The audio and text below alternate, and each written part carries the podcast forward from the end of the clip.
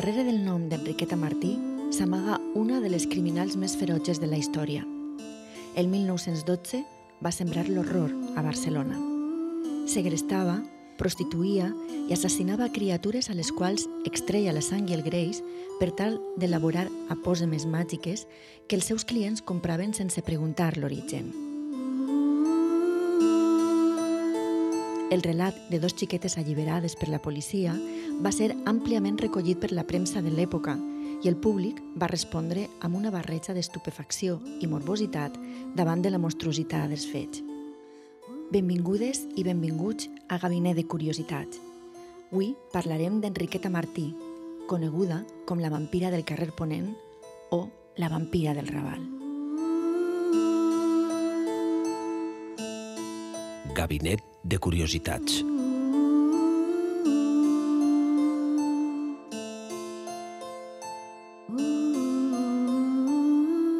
Amb Anna Moner.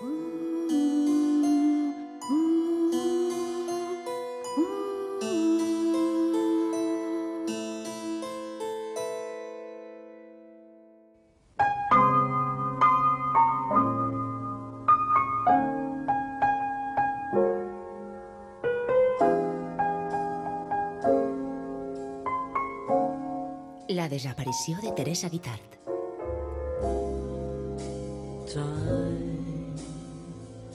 after time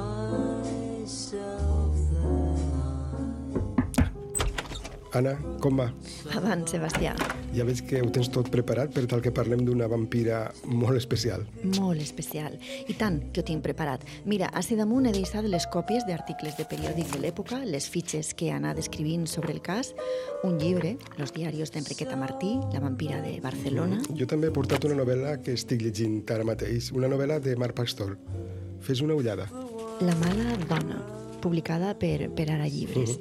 És una recreació novel·lada dels crims d'Enriqueta Martí, la vampira del carrer Ponent, que va guanyar el Premi Crims de Tinta l'any 2016. Mhm, Perfecte. Ens ajudarà a ambientar la conversa. Seu a la teua butaca, posa't còmode i comencem. I only know what I know. The passing year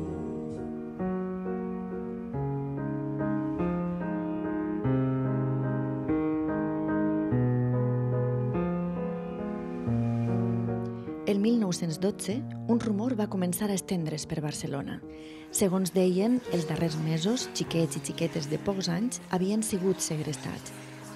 Uns comentaris que es van escampar per carrers i places, pels mercats i pels patis de veïns i van sembrar el pànic entre els barcelonins. Mhm. Un rumor cert. A les grans ciutats com Barcelona desapareixien a diari diversos xiquets i els pares atemorien els fills per tal que foren més previnguts. I ho feien amb la figura de l'home del sac, per exemple. Pretenien que tingueren por als estranys, que no hi confiaren.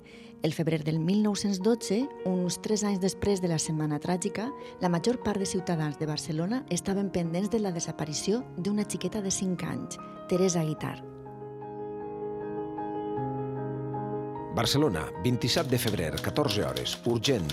Un guàrdia municipal ha trobat aquest matí la nena desapareguda. Estava segrestada per una dona de 40 anys anomenada Enriqueta Martí en una casa del carrer Ponent.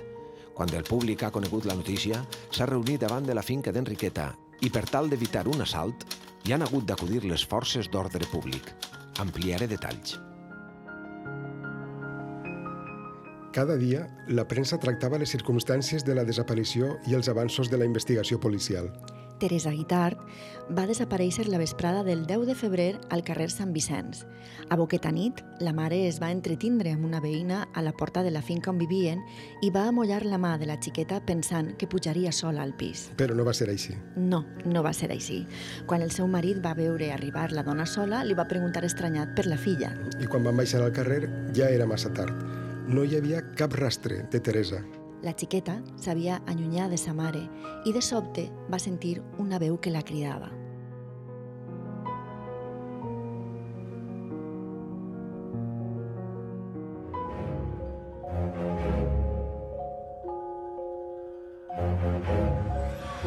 La nit del 10 de febrer, l'Enriqueta Martí surt a caçar.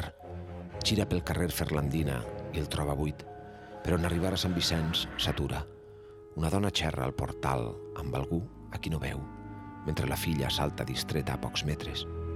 Va tocada amb una capa negra, la que usa per assistir al liceu o a les orgies que el senyor Carner organitza al xalet a Collserola. I la caputxa li tapa el rostre. Respira fondo, excitada, i crida l'atenció de la nena amb paraules dolces. La petita la mira amb una certa recança, però l'Enriqueta somriu amb la penombra i la convida a apropar-s'hi. La nena ho fa. Cinc anyets, massa primeta, amb un vestidet blanc de rivets vermellosos i una diadema que li recull el cabell. Vols un regalet? És una sorpresa. Vine. L'Enriqueta Martí aleshores li tapa la boca amb les urpes esquelètiques i se la col·loca a pols sobre els malucs. La capa la cobrix. La Teresina intenta cridar i pernejar, però és massa poqueta cosa. Durant més de dues setmanes, la ciutat sencera va viure l'angoixa de no saber què havia passat amb Teresa Guitart. Tots els esforços policials van resultar infructuosos i va ser una veïna curiosa la que va descobrir on era la xiqueta desapareguda. La veïna, Claudina Elias, es va fixar un dia en el rostre d'una criatura que la mirava a través dels vidres bruts d'una finestra. I li va semblar que tenia una expressió atemorida i que demanava auxili. Era la casa de la veïna de l'entresol. Claudina sabia que Enriqueta vivia amb un xiquet i una xiqueta, que havia vist en, en altres ocasions, però la cara d'aquella criatura amb el cap rapat no li resultava familiar. Aleshores va pensar, i si es tractara de Teresa Guitar? Va comentar les seues sospites a un matalafer, que també vivia al carrer Ponent, i tots dos ho van comunicar al guàrdia municipal Josep Asens.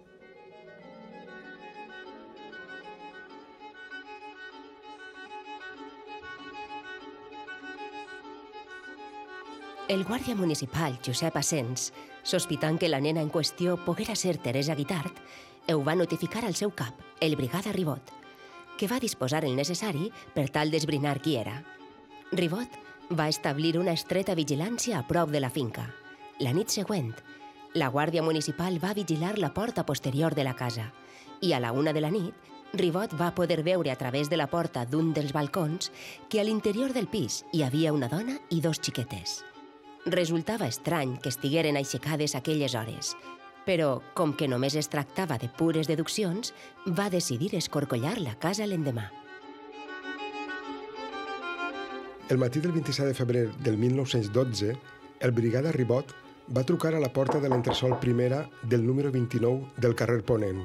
I li va obrir una dona que s'acabava d'alçar. Ribot li va dir que volia inspeccionar el seu domicili perquè uns veïns havien denunciat que hi criava gallines. Sense donar-li temps a reaccionar, el policia va entrar al pis i va veure dos xiquetes de poca edat. Llavors es va acostar a la del cap rapat i li va preguntar com li I deien. la xiqueta va respondre, felicitat. El brigada, però, hi va insistir. No et diuen Teresa? I la xiqueta del cap rapat va respondre «Així em diuen felicitat». I el brigada es va dirigir a l'ama del pis i li va demanar qui era aquella criatura. La dona va dir que no ho sabia, que l'havia trobada a la ronda de Sant Pau el dia abans perduda i famolenca i que l'havia pujada a casa per tal de donar-li menjar. I va afegir que l'altra era la seva filla Angelina. Ribot, a qui no havien convençut les declaracions d'Enriqueta Martí, va decidir que fora la mare de Teresa qui identificara la xiqueta. No la van localitzar, però una veïna amiga, malgrat que li havien tallat els cabells, va reconèixer de seguida Teresa. La notícia de la detenció d'Enriqueta Martí i l'alliberament de la nena va córrer tot Barcelona ràpidament i una gran multitud es va acostar a la caserna del carrer Sepúlveda per llinxar la segrestadora. Guàrdies municipals a cavall i en parelles van impedir que la gent hi entrara, però no van impedir que es cridassaren Enriqueta durant hores.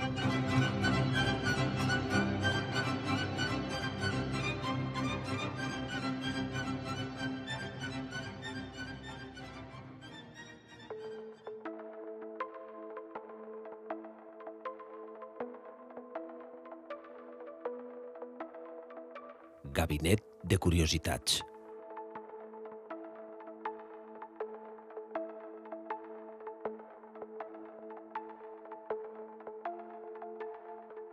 Amb Anna Moner.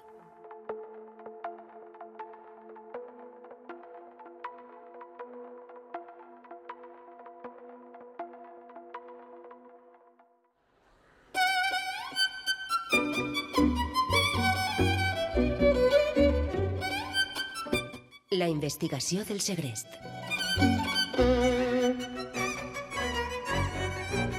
Una vegada a la caserna, la suposada segrestadora va ser identificada com Enriqueta Martí Ripollès, de 43 anys. Van comprovar que Martí ja estava fitxada per corrupció de menors. Tres anys abans havia estat detinguda perquè al seu pis del carrer Minerva regentava un prostíbul de menors, menors d'ambdós sexes i d'edats compreses entre els 5 i els 16 anys. I junt amb ella van detindre un jove d'una de les famílies més distingides de la ciutat. Sí, Enriqueta va ser processada, però la causa es va arxivar gràcies a les influències exercides per una persona molt coneguda i molt poderosa de Barcelona. La vida d'Enriqueta Martí havia estat sempre molt relacionada amb la prostitució. Ella mateixa va començar a exercir-la abans de complir els 20 anys, quan va veure que treballant de criada no arribaria enlloc. Durant un temps es va prostituir en locals barats i runosos de la zona del port i del barri del Raval. Fins que un dia va decidir casar-se amb un client, un pintor fracassat, Joan Pujaló. Un individu peculiar que, segons conten, s'alimentava de menjar de canari seguint les indicacions d'un manual de naturisme. La seva relació, però, va durar uns 10 anys. Sí, va ser una relació turbulenta, plena de baralles, separacions i reconciliacions interessades per part d'Enriqueta. La policia va interrogar Joan Puigdaló, que va declarar que duia sis anys separat de la seva dona. Visc separat de la meua dona i no vull saber res d'ella. Jo sóc un home honrat i no m'agrada la seva estranya manera de comportar-se. Fa dos mesos em vaig mudar al carrer Ponent, número 49, però no tenia coneixement que ella vivia al mateix carrer. Em vaig assabentar fa uns dies. Aquesta tarda, quan em dirigia a casa, m'ha cridat l'atenció veure tanta gent a la porta d'on viu Enriqueta. Llavors he preguntat què passava. Quan m'han explicat de què l'acusaven, i com que jo no tinc res a veure amb el que Enriqueta hagi pogut fer, m'he presentat voluntàriament a la delegació de policia i després al jutjat. Allí m'han comunicat que la meva dona conviu amb una nena, Angelina, i que assegura que és filla meua. Tal afirmació és inexacta perquè jo mai no he tingut cap filla amb ella. Fa uns quants anys em va fer creure que hi havia tingut una filla i que jo era el pare, però jo mai no he vist la xiqueta, ja que em va dir que havia mort poc després de néixer. Jo crec que mai no va arribar a néixer. No m'explique què pot voler Enriqueta d'aquests nens. Ara bé, d'una dona com ella es pot esperar qualsevol cosa. Pujaló va declarar que Angelina no era filla seua i posteriorment els metges van comprovar que Enriqueta mai no havia parit. Llavors, després d'identificar la criatura del cap rapat com Teresa Guitart, les preguntes es van centrar a saber qui era Angelina.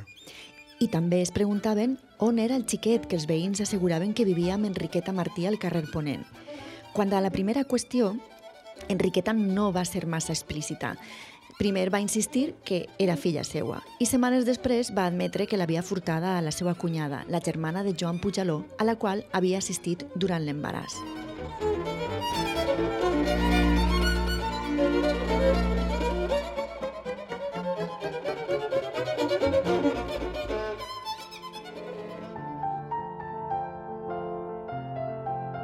De cop, l'Enriqueta va dir que volia ser mare. Però no per l'instint que tenim les dones, no. Perquè així ningú no sospitaria d'ella. Com pot una mare usar els nens a conveniència seua? Com que ella no podia, per molt que ho intentés, i ho va intentar molt, va decidir quedar-se el de la seva cunyada. Em segueix? Es va apropiar de la nena de la Maria. La va tenir sota control durant l'embaràs i quan va parir, li va dir que el nen havia nascut mort. En realitat, me l'havia deixat a mi, allà a Ostafrancs, perquè me'n fes càrrec durant uns dies. Quina nena més maca, l'Angelina. El nom em fa tota la justícia. No vaig veure l'Enriqueta fins que va venir a arrencar-me-la de les mans. Quant al xiquet, va respondre que tenia 5 anys i que li l'havien deixat perquè el criara.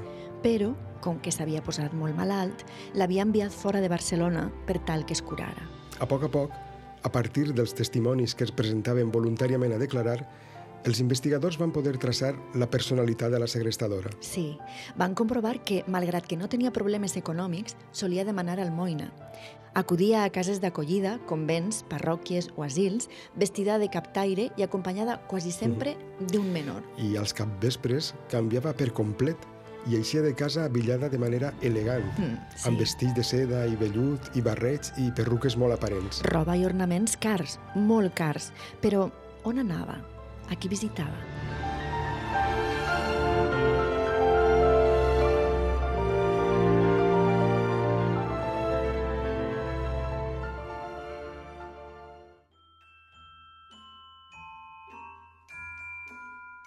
He decidit no tenir nens a casa. És un problema. Bé, sempre que siga possible. Els més grans hi acudeixen de seguida que els avise. És el cas d'Enric, a qui sol·liciten molt perquè és molt carinyós. El torero n'està enamoradíssim i vol emportar-se'l d'ajudant. Però Enric té 15 anys i, tot i que està disposat a anar-se'n, jo no l'he deixat. El torero pretén comprar-me'l, perquè diu que l'únic que estic fent jo és llogar-lo. Tot plegat ha estat molt desagradable, però em sento obligada a cuidar els meus nens.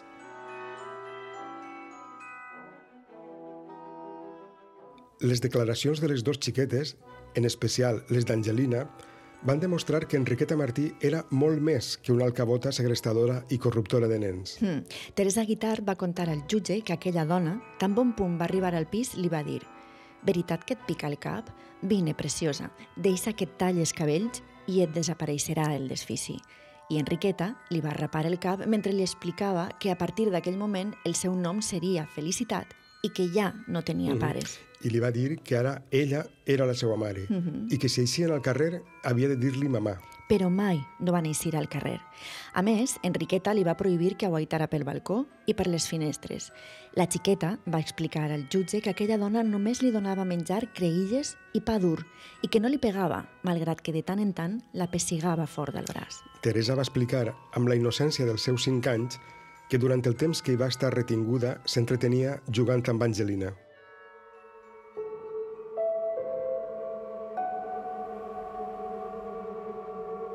La Teresa i l'Angelina s'han fet amigues. Comparteixen una màrfega a mode del llit i a la nit dormen arraulides per fer-se passar el fred. L'Angelina la tracta com una nina, una joguina nova que no sap quan durarà. La carona i la calma, li eixuga els plors i li canta cançons de bressol. Una tarda que no senten soroll al pis, surten al passadís i caminen a les palpentes fins a l'habitació envellutada, on els armaris són de fusta noble i els miralls tenen marcs daurats d'allò més elegants. La mamà té vestits de princesa, assegura l'Angelina, però la porta de l'armari és tancada amb clau i no la puc obrir. També li van preguntar per l'altre xiquet, el que la veïna assegurava que havia vist en diverses ocasions. Sí, però Teresa mai no l'havia vist. També va contar que s'hi quedaven moltes vegades soles i que tots els sorolls les atemorien. Una nit, Angelina la va agafar de la mà i li va proposar descobrir què guardava mamà a les habitacions a les quals els havia prohibit entrar. I quan van entrar en una de les habitacions prohibides, van entropessar amb un sac en la penombra. El van obrir i van eixir fugint de la cambra. perquè dins del sac van descobrir un ganivet de grans dimensions i la roba d'un xiquet tacaix de sang. Tot això formava part de la declaració de Teresa, de 5 anys d'edat. Ara bé, la informació que va portar Angelina, que era una mica més gran, encara va ser més colpidora. Així és. Angelina sí que havia conegut Josep, un xiquet ros d'uns set anys, que solia jugar amb ella fins que un dia... Mamà, no es va donar que jo vaig veure com agafava Josep, el posava damunt de la taula del menjador i el matava amb un ganivet. Jo, aterrida, sense fer soroll, aguantant la respiració, me'n vaig anar al llit i vaig fer com si dormira. La història de terror relatada per les dos xiquetes va impressionar tant els ciutadans de Barcelona que es van fer subscripcions populars per tal d'obrir una llibreta a la caixa d'estalvis al seu nom. Fins i tot van ser presentades en públic. Al Teatre Tívoli, per exemple, s'hi va celebrar una funció en honor seu i en els cartells s'anunciava Teresa Guitart i Angelina hi assistiran a una de les representacions de les llotges. I a més, es va escriure una obra inspirada en la segrestadora del carrer Ponent. Sí. Un fet que es va posar en qüestió. Segons anuncien diversos periòdics, a nit va tenir lloc al Teatre Apolo l'estrena de l'interessant drama d'actualitat en cinc actes titulat La nena segrestada, escrit a partir de les informacions aparegudes en la premsa diària per un distingit periodista d'aquesta capital. Seria desitjable que aquest teatre posara en escena obres que almenys reflectiren una remota idea del sentiment artístic en compte d'honrar la infame segrestadora concedint-li els honors de dur a l'escenari la seva fastigosa manera d'actuar.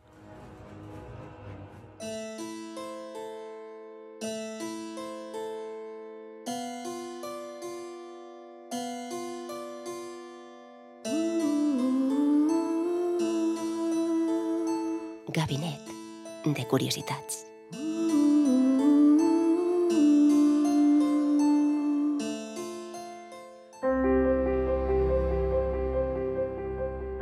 Els secrets del pis del carrer Ponent.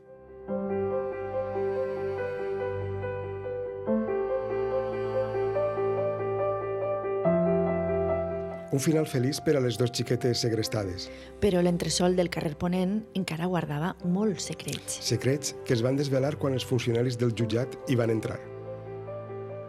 Quan el 29 de febrer el jutge va ordenar l'escorcoll del domicili d'Enriqueta Martí, la policia va trobar un pis amb cambres brutes i fètides, a excepció d'un saló sumptuosament decorat amb cortines i mobles de gran luxe.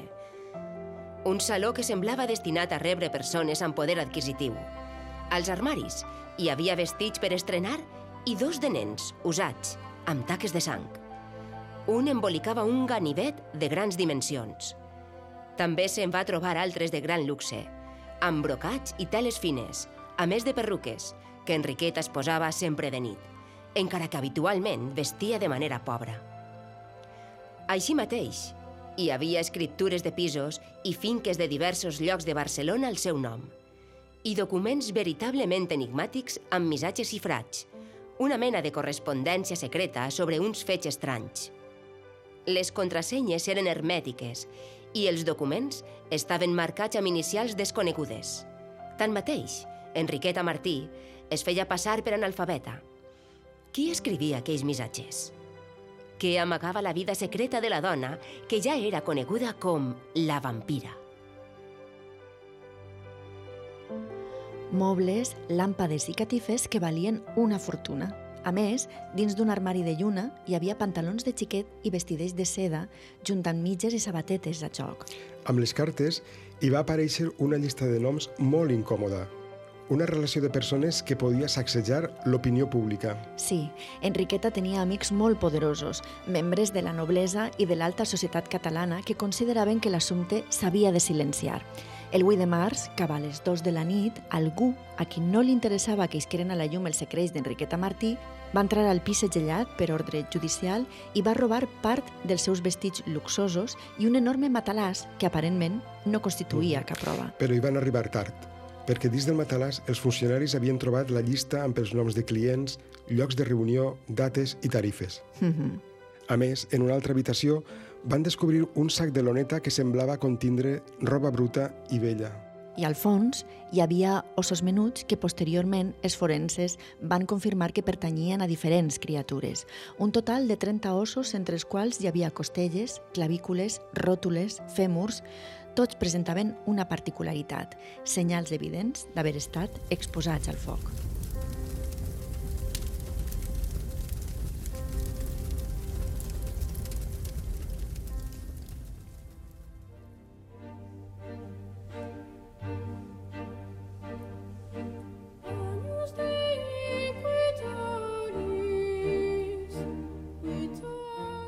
La vampira del carrer Ponent.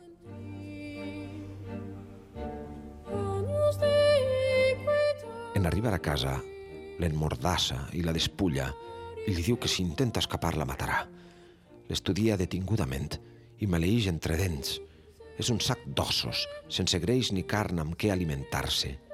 Si se'n la sang ara mateix, Seria com si no hagués pres res. Serà millor que tenir-la a casa, anar-la encebant perquè agafe consistència i puga treure'n més profit. Agafa unes tisores i amb quatre cops li talla els cabells negres com l'ànima de l'Enriqueta per bullir-los després amb all i farigola i prendre-se'n el brou. Mentre l'engreixe, la cuidarà com a l'Angelina. Enriqueta Martí va explicar que havia recollit aquells ossos per estudis anatòmics, però els forenses ho van descartar. Sí, primer va argumentar que els usava amb esta finalitat. Tanmateix, els forenses van comprovar que els ossos havien estat sotmesos a elevades temperatures, és a dir, que havien sigut cremats o bullits. Finalment, pressionada pels interrogatoris, va acabar confessant que era curandera i que feia servir els cossos de les criatures com a matèria primera per a fabricar els seus remeis. Assegurava ser-ne una experta i es vantava de saber elaborar les millors apòsemes i que els seus preparats màgics estaven molt ben pagats per gent adinerada i de bona posició social. De fet, l'exposició al foc dels ossos va conduir els investigadors a la hipòtesi que en realitat els infants havien estat sacrificats a fi d'extraure'ls el greix. Sí, el carrer Ponent encara amagava més secrets macabres i inesperats trofeus. Per exemple, darrere de l'armari de lluna van trobar la cabellera castanya d'una criatura d'uns 3 anys. Unes troballes insòlites que van obligar els experts a escorcollar cada racó del pis. Sí, en un rebost que hi havia al costat de la cuina, que estava tancada amb clau, i van descobrir mig centenar de flascons plens de sang quallada, de greix i d'altres substàncies de naturalesa orgànica que van enviar a analitzar a un laboratori. Flascons, pots i safes plens de restes humanes transformades en una espècie de mantega, apòsemes i ungüents llestos per a la venda.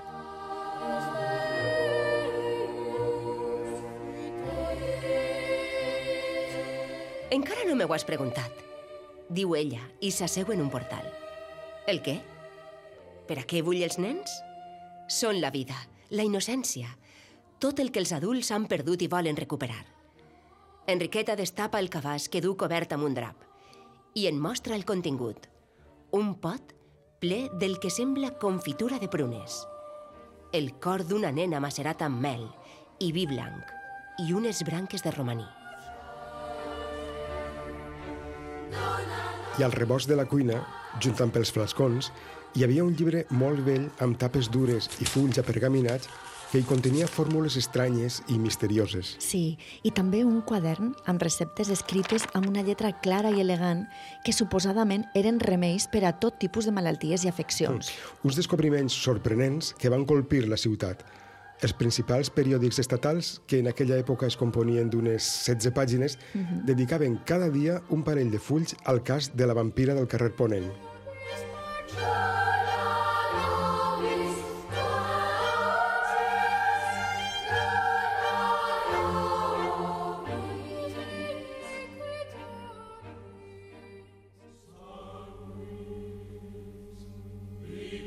Comentaven el cas com si fora un fulletó. Les novetats es publicaven amb el titular Els misteris de Barcelona. Coneix els misteris de l'hematologia. És un expert a transformar la sang en remei. Treu la vida i la dona alhora. El vampir que busquem és un boticari? El vampir que busquem és metòdic, fred i manipulador. Pot envoltar-se de gent que li faça certes feines per no exposar-se. Tindrà dues cares, la de portes endins i la que ofereix al món, la bruta i l'elegant. I no tan sols viu d'extreure la sang, sinó també de comerciari. El vampir que busquem ha de ser un metge, un curandero o un remeier, tot i que m'incline més cap a aquesta darrera opció, perquè el nostre vampir té contacte amb la cultura popular, segur. No és científic, li ve de la tradició oral. Els periòdics publicaven notícies diàries a les quals prompte s'hi van afegir els testimonis de persones que havien tractat amb Enriqueta Martí o havien patit les conseqüències dels seus crims. Es van conèixer històries tan dramàtiques com la d'una dona aragonesa, d'Alcanyís en concret, que la va identificar com la segrestadora del seu fill de mesos. Sis anys abans, el 1906, la dona que acabava d'arribar a Barcelona es va trobar amb la vampira del carrer Ponent que amb una extraordinària habilitat va saber enganyar-la. La dona va explicar al jutge que estava desesperada i famolenca i que Enriqueta va aconseguir que li deixara la criatura mentre ella menjava el que li acabava d'oferir. Tot seguit, amb una excusa enginyosa, es va allunyar de la mare i va desaparèixer amb el nadó. Mai no va tornar a veure el seu fill, ni tampoc no va saber què havia fet amb ell. Segurament el va usar per a fabricar els seus remeis. A la tortura psicològica patida durant sis anys, ara s'hi afegia l'horror d'imaginar què havia fet amb ell la vampira del carrer Ponent. Sí.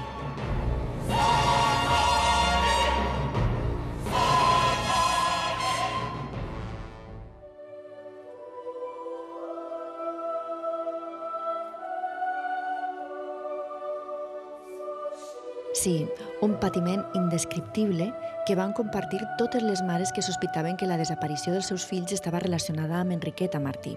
La veritat és que cada dia s'afegien nous testimonis a l'acusació i finalment la segrestadora va haver d'assumir bona part dels crims. Estava desesperada i ella mateixa va exigir que es corcollaren el pis de dalt a baix i que picaren les parets, perquè encara hi trobarien més coses. Sabia que acabaria executada al patíbul i pretenia arrossegar amb ella tots els seus còmplices. El jutge, horroritzat per la naturalesa i la magnitud dels crims, va ordenar la inspecció de l'entresol, del carrer Ponent i de la resta d'immobles en què Enriqueta Martí havia viscut els darrers 10 anys. I el resultat va ser aterridor. En un pis del carrer de Picalqués va ser descobert un fals barandat i darrere un amagatall en el qual hi havia ossos, tirabuixons de cabells castanys embolicats en un tros de paper de diari Sí. i un drap brut de sang. Bona part dels ossos estaven quasi triturats. A més, hi van trobar algunes falanges pertanyents a infants de curta edat. Les cròniques de l'època conten que també hi va aparèixer un calcetí molt menut, que havia d'haver pertangut a un xiquet de família molt humil perquè havia estat apedaçat diverses vegades amb fils de colors diferents. En un altre pis del carrer de Tallers, en un altre amagatall, hi van localitzar més ossos i dos trenes rosses. I finalment, al pati d'una casa del carrer dels Jocs Florals, a Sants, van trobar, a més de flascons plens de sang quallada i substàncies greixoses, el crani d'un infant d'uns 3 anys i un bon grapà d'ossos que els forenses van assegurar que pertanyien a criatures de 3, 6 i 8 anys. En el sumari del cas de la vampira del carrer Ponent es van incloure en total 10 víctimes identificades. Els periòdics publicaven titulars com Els ossos parlen de crims bàrbars i les apòsemes i ungüents de supersticions medievals.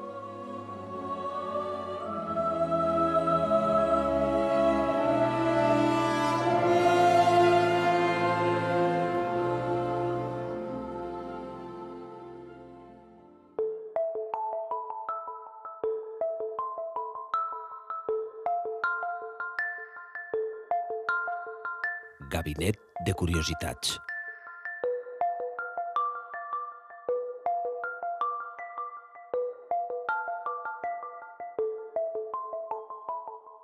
Amb Anna Moner.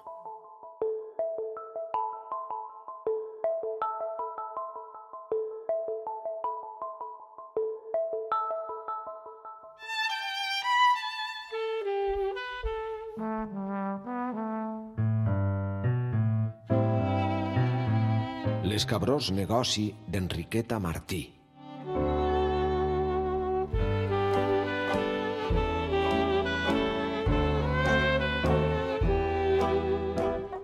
No hi havia cap dubte.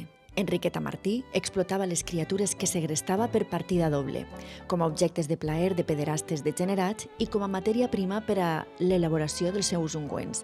Segurament, al Teatre del Liceu, al Casino de la Rabassada i altres llocs de reunió de la classe acomodada de Barcelona, on acudia avillada amb els vestits de seda i les perruques, oferia els seus serveis de curandera i proxeneta especialitzada en criatures. A principis del segle XX, la tuberculosi era una malaltia contagiosa i mortal que estava molt estesa i hi havia gent que creia que el millor remei per a curar-la consistia a beure sang humana i aplicar sobre el pit cataplasmes preparades amb el greix dels infants. De fet, dos anys abans, un succés de característiques similars havia causat l'alarma per tot l'estat. El crim de Gádor, a Almeria.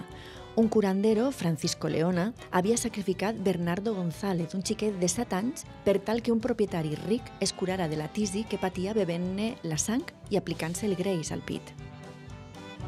S'oblida que la tisi, la tuberculosis, la sífilis i altres malalties no identificades encara campen per la ciutat sense que ningú no les ature. No dic que el nostre home estiga malalt. Dic que és un depredador que tria les víctimes no sols per la seva indefensió, sinó per les qualitats de la seva sang. La sang dels nens és més fresca i vital que la sang cansada d'algú més gran. A més edat, una sang més contaminada i més malalta. Com més jove i innocent, més propietats sanadores conté, més pura.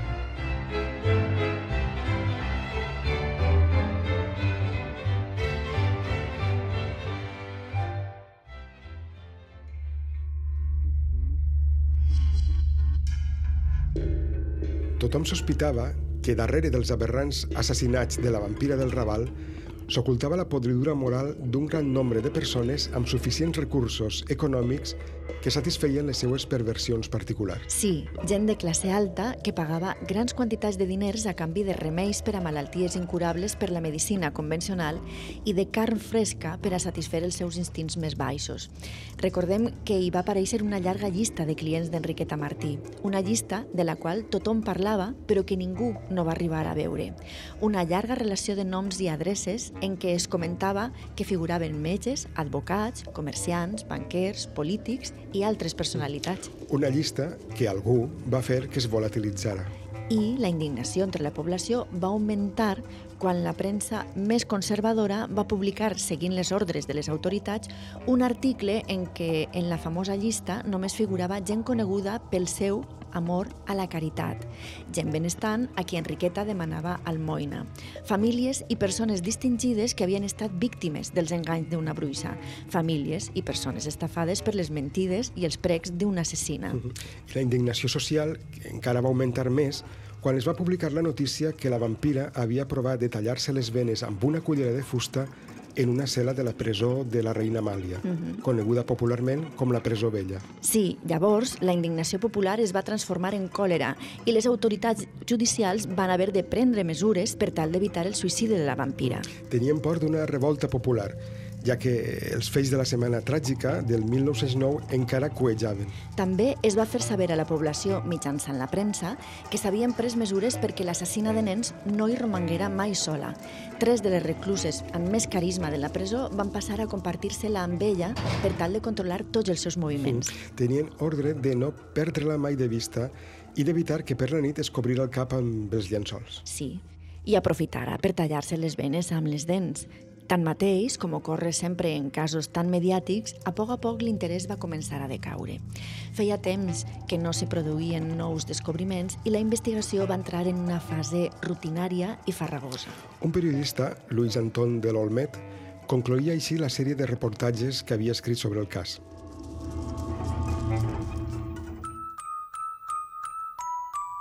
Estem davant d'una dels criminals més terribles i cruels que es recorden. Una assassina en sèrie que, moguda per un fanatisme satànic, ha mort infants durant 10 anys per extreure'ls el greix i fabricar ungüents. És un cas inaudit, monstruós, del qual es parlarà molt de temps amb estupor. Enriqueta Martí es convertirà, sens dubte, en una llegenda per espantar les criatures. Però de veritat cal que continuem glossant indefinidament aquest succés?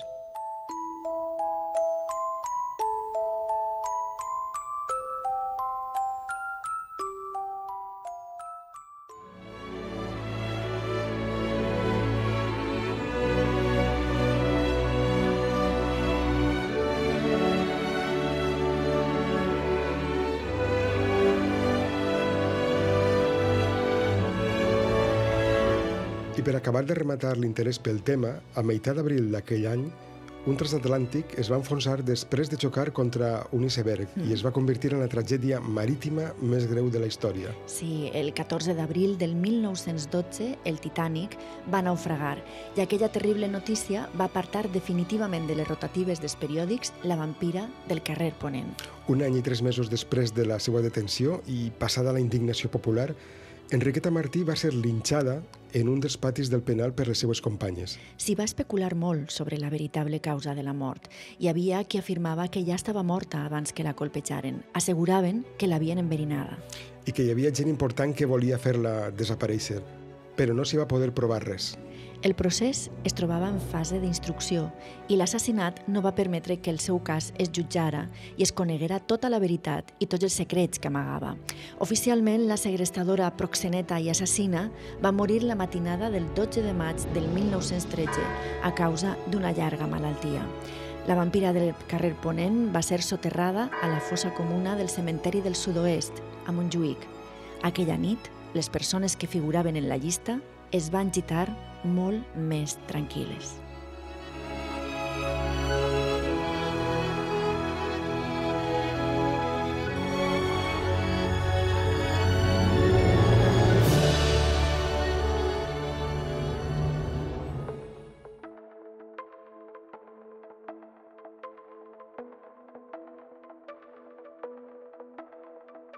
Gabinet de curiositats.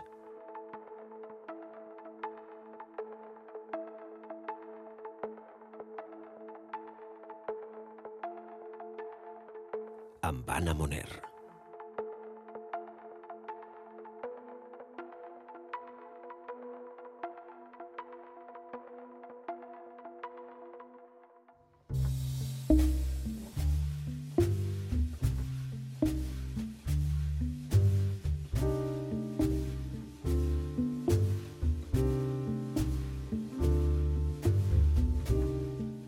La visita.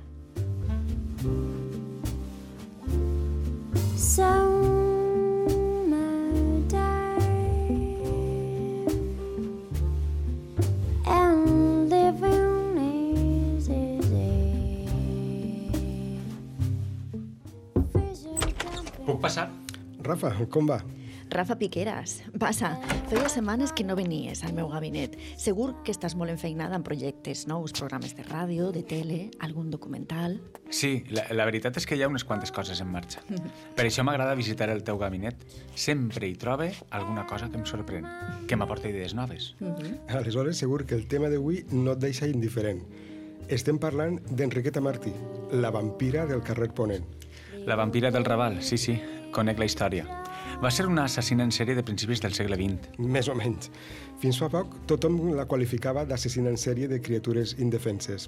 Però ara han sorgit algunes veus que apunten versions diferents. Seu així i Anna t'ho explicarà. Perquè tu, Tu te n'has d'anar. Sí, exacte. Adeu. Espero tornar-hi pronte. Segur. Així que ara ha veus que aporten una visió diferent sobre el cas d'Enriqueta Martí.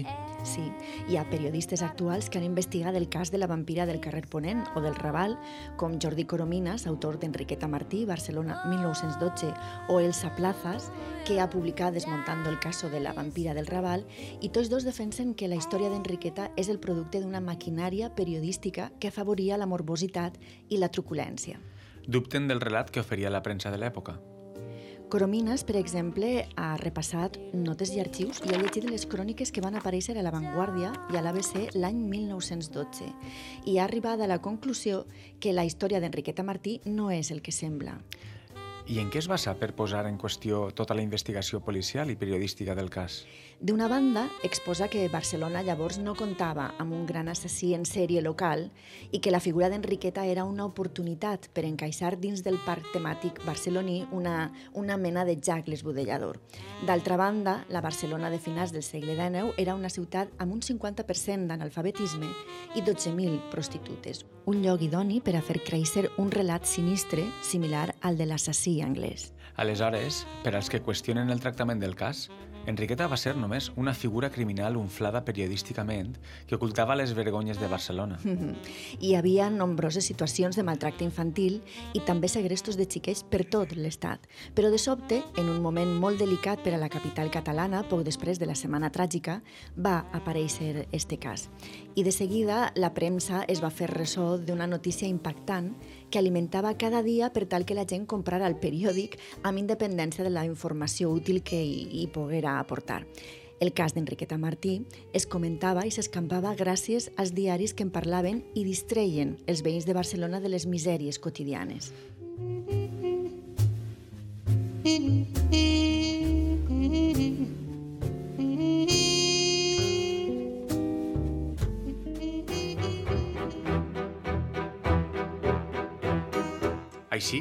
El que es planteja és que els crims de la vampira del Raval es van fer servir per fomentar la distracció i l'evasió dels ciutadans. Mm, evidentment, Enriqueta despertava interès i servia de distracció. La premsa pretenia traure tot el suc a notícies d'este tipus. Però com es van inventar tantes mentides al voltant d'una persona tan anodina, tan anònima? Uh -huh. Coromines afirma que una vegada coneguda la notícia del segrest de Teresa, la premsa va intentar construir la història abans que començaren a saber-se les dades concretes. Des de la policia i el govern civil es van fer comentaris que van provocar l'alarma social i hi va haver versions múltiples sobre el que havia ocorregut. També apunta Coromines que els crims d'Enriqueta van servir per enmascarar assumptes veritablement greus de tracte de dones que anaven a parar a França. I precisament el caràcter anònim d'Enriqueta permetia el seu ús. Ningú no la coneixia i ningú no podia defensar-la. Enriqueta, en certa manera, representava la gent pobra i desesperada que no apareixia en els mitjans. Sí, pel que es veu, darrere d'aquells terribles casos de, de segrestos i explotació infantil figurava tota una trama fosca que es bifurcava en escenaris inesperats. Segons el Saplaza, tot formava part d'una trama que recorria els suburbis de la ciutat i arribava als pisos bordells de l'alta burgesia catalana. Una trama que connectava els ravals de París i els locals del cafè-concert dels barris més marginals de Barcelona. Així que darrere de les misèries i els segrestos de la vampira hi havia la cara més fosca i podrida de la Barcelona modernista i burgesa. Sí. Segons Plaza, les desaparicions d'infants, la prostitució, la pederàstia, els funcionaris corruptes, el tractament de la premsa, tot fa pensar que la realitat té mil cares que poden ser fruit de la, de la manipulació. En realitat, Plaza planteja que darrere d'Enriqueta Martí, tractada com una bruixa i acusada de proxenetisme i de fabricar ungüents amb les vísceres i els ossos de menors, s'ocultava la doble moral i la misèria sexual, l'explotació laboral, la ignorància i la desprotecció total de la infantesa. De fet, el Raval de finals del segle XIX i principis del segle XX uh -huh. era un barri on abundava la precarietat i la mendicitat per manca d'oportunitats. Sí, així és. Un ambient de misèria i pobresa que dibuixava un escenari ideal perquè les acusacions de bruixeria circularen ràpidament. Enriqueta Martí es va erigir com la culpable perfecta. En el seu llibre, El Saplaza documenta les nombroses denúncies sobre explotació laboral, comercial i sexual a les quals eren sotmesos els menors i, i les dones. I en este context, la vampira apareix com la criminal sobre la qual es podia encarregar bona part de les desaparicions infantils de l'època. Curiosament, mentre s'alimentaven els crims d'Enriqueta Martí, no es parlava, per exemple, del negoci dels segrestos de xiquets, xiquets que enviaven a França on eren explotats en fàbriques de vidre. Així, segons els investigadors que has mencionat, es pot fer una lectura més complexa del cas de la dona que segrestava i matava xiquets mm. per tal d'elaborar remeis màgics que venia als rics. Sí, sí. De fet, en aquell moment es va posar el focus en Enriqueta amb la intenció d'amagar la misèria moral de les classes altes de la ciutat i l'explotació de les classes populars. Una societat podrida que culpava a una bruixa malèfica de totes les desaparicions, raptes i maltractaments que sofrien els menors. Per tant, les investigacions de l'època van destapar un personatge macabre i despietat, uh -huh. una assassina que formava part d'una corrupció generalitzada que implicava diverses capes socials. I que, com sol ocórrer, van quedar impunes.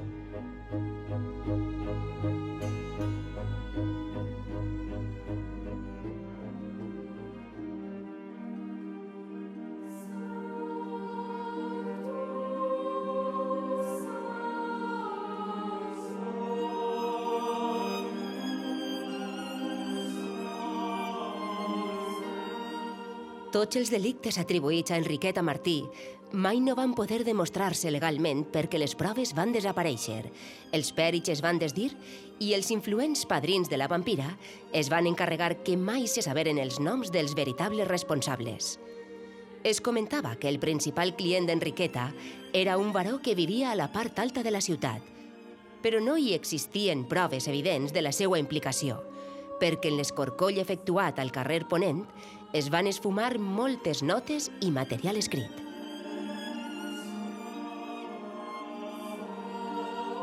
Mai no sabrem exactament la veritat de les desaparicions d'infants ocorregudes a principis del segle XX a tot l'Estat, ni qui eren les persones implicades en esta trama de corrupció.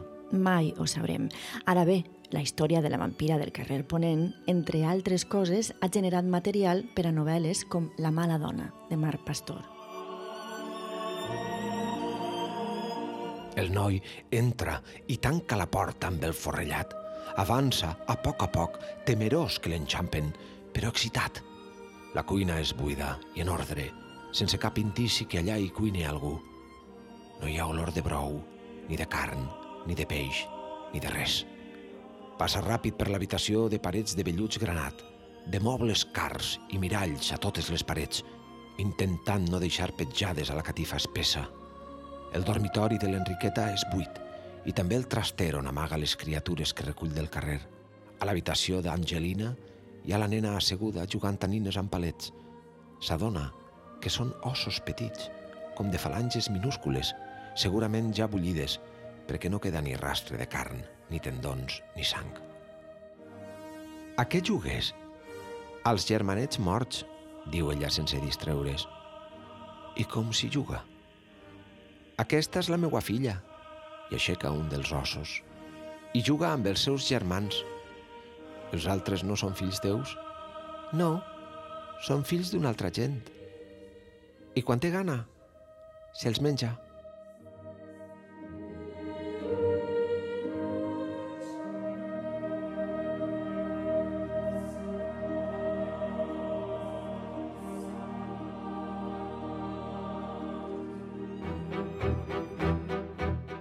D'esta macabra i distorsionada història s'ha parlat molt i s'han fet molts reportatges. Mm. Així hi ha material per un interessant documental. Sens Veus com dubte. sempre me'n vaig amb alguna nova idea? I no saps com me n'alegre. Ara estaré molt ocupat durant una temporada, però espere tornar prompte, eh? Mira, acomiadem-nos com cal. Triar un tema per tal de neutralitzar la impressió que encara ens generen tants anys després els assassinats de, de la vampira, la que vulguis. Doncs mira, com que el Raval és un lloc que sempre ha tingut un estigma de barri marginal Mhm. i, i de fet en els últims anys ha canviat molt i ara és un barri multicultural on Sí. hi ha una barreja impressionant de cultures i de, i de llocs del món i de sons eh, de tots Diferents, diferents mhm. no? Eh, jo crec que una cançó de Macaco, que és un grup que se va gestar en Ixe barri Sí. i una cançó com Tengo, per Mhm. exemple, és, un, Sí. és un bon, una bona manera de, de llevar-li l'estigma no? al Sí, barri. sí, és una elecció perfecta. Ha estat un plaer, Rafa. Pots vindre sempre que vulguis, ja ho saps. Tots hi podeu tornar. Jo estaré així, al meu gabinet de curiositats, esperant-vos. Avui hem estat en la sintonia d'Apunt Mèdia, Sandra Aragó, a la producció, Héctor Tirado, a la realització, Sebastià Carratalà i Anna Moner a la direcció i la redacció, i Jordi Ballester, Yolanda Muñoz, Rafa Piqueras, Sebastià Carratalà i Anna Moner als micròfons. I recordeu que, com deia Oscar Wilde, l'art no ens pot ferir. Fins sempre. Un bes.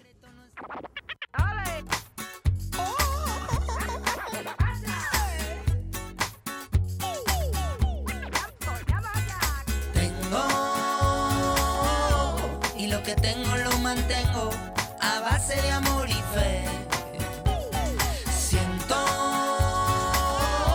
que si no estás no corre el viento, quizás afuera sí, pero no dentro de mí. Vengo sin maleta con lo puesto y esta canción mi remedio vitamina para el vivir. Vuelvo y acelero si estás lejos, pongo el freno cuando pasas junto a mí. La melodía de una rumba me dijo el secreto no está en la tumba, sino en el vivir. Y viviendo a todo trapo, olvidé caminar despacio y las heridas en mis pies sentí. No cantaré a lo que desconozco, solo a lo que entró en el fondo, como el pozo del vino que bebí. Y antes de emborracharme, brindaré mirando a tus ojos y gritaré. El secreto es el amor que siento por ti. Tengo y lo que tengo lo mantengo a base de amor y fe.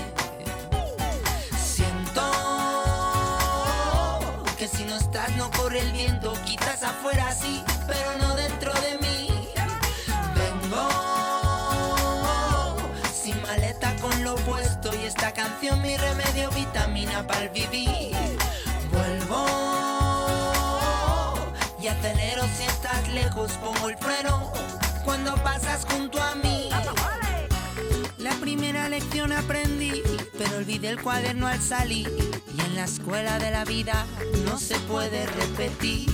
Así que voy lápiz en mano, tomando notas y callando. A veces es mejor no decir. Aprendí a alzar la vela, a aguantarla la marea y a romper las olas del mal. Y es que el vaso medio lleno, medio vacío, mi niña, solo depende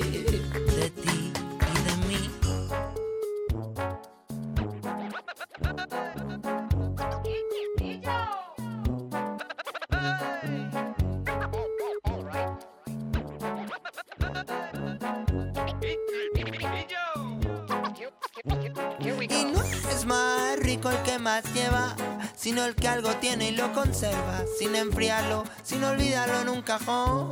Y no hay mayor tesoro que el que guardas en tu corazón, no en el bolsillo triste de un pantalón.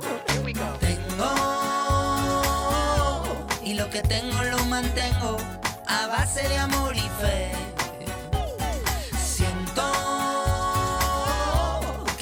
Quizás no corre el viento, quizás afuera sí, pero no dentro de mí. Vengo sin maleta con lo puesto y esta canción mi remedio, vitamina para el vivir. Vuelvo y acelero si estás lejos, pongo el freno cuando pasas junto a mí.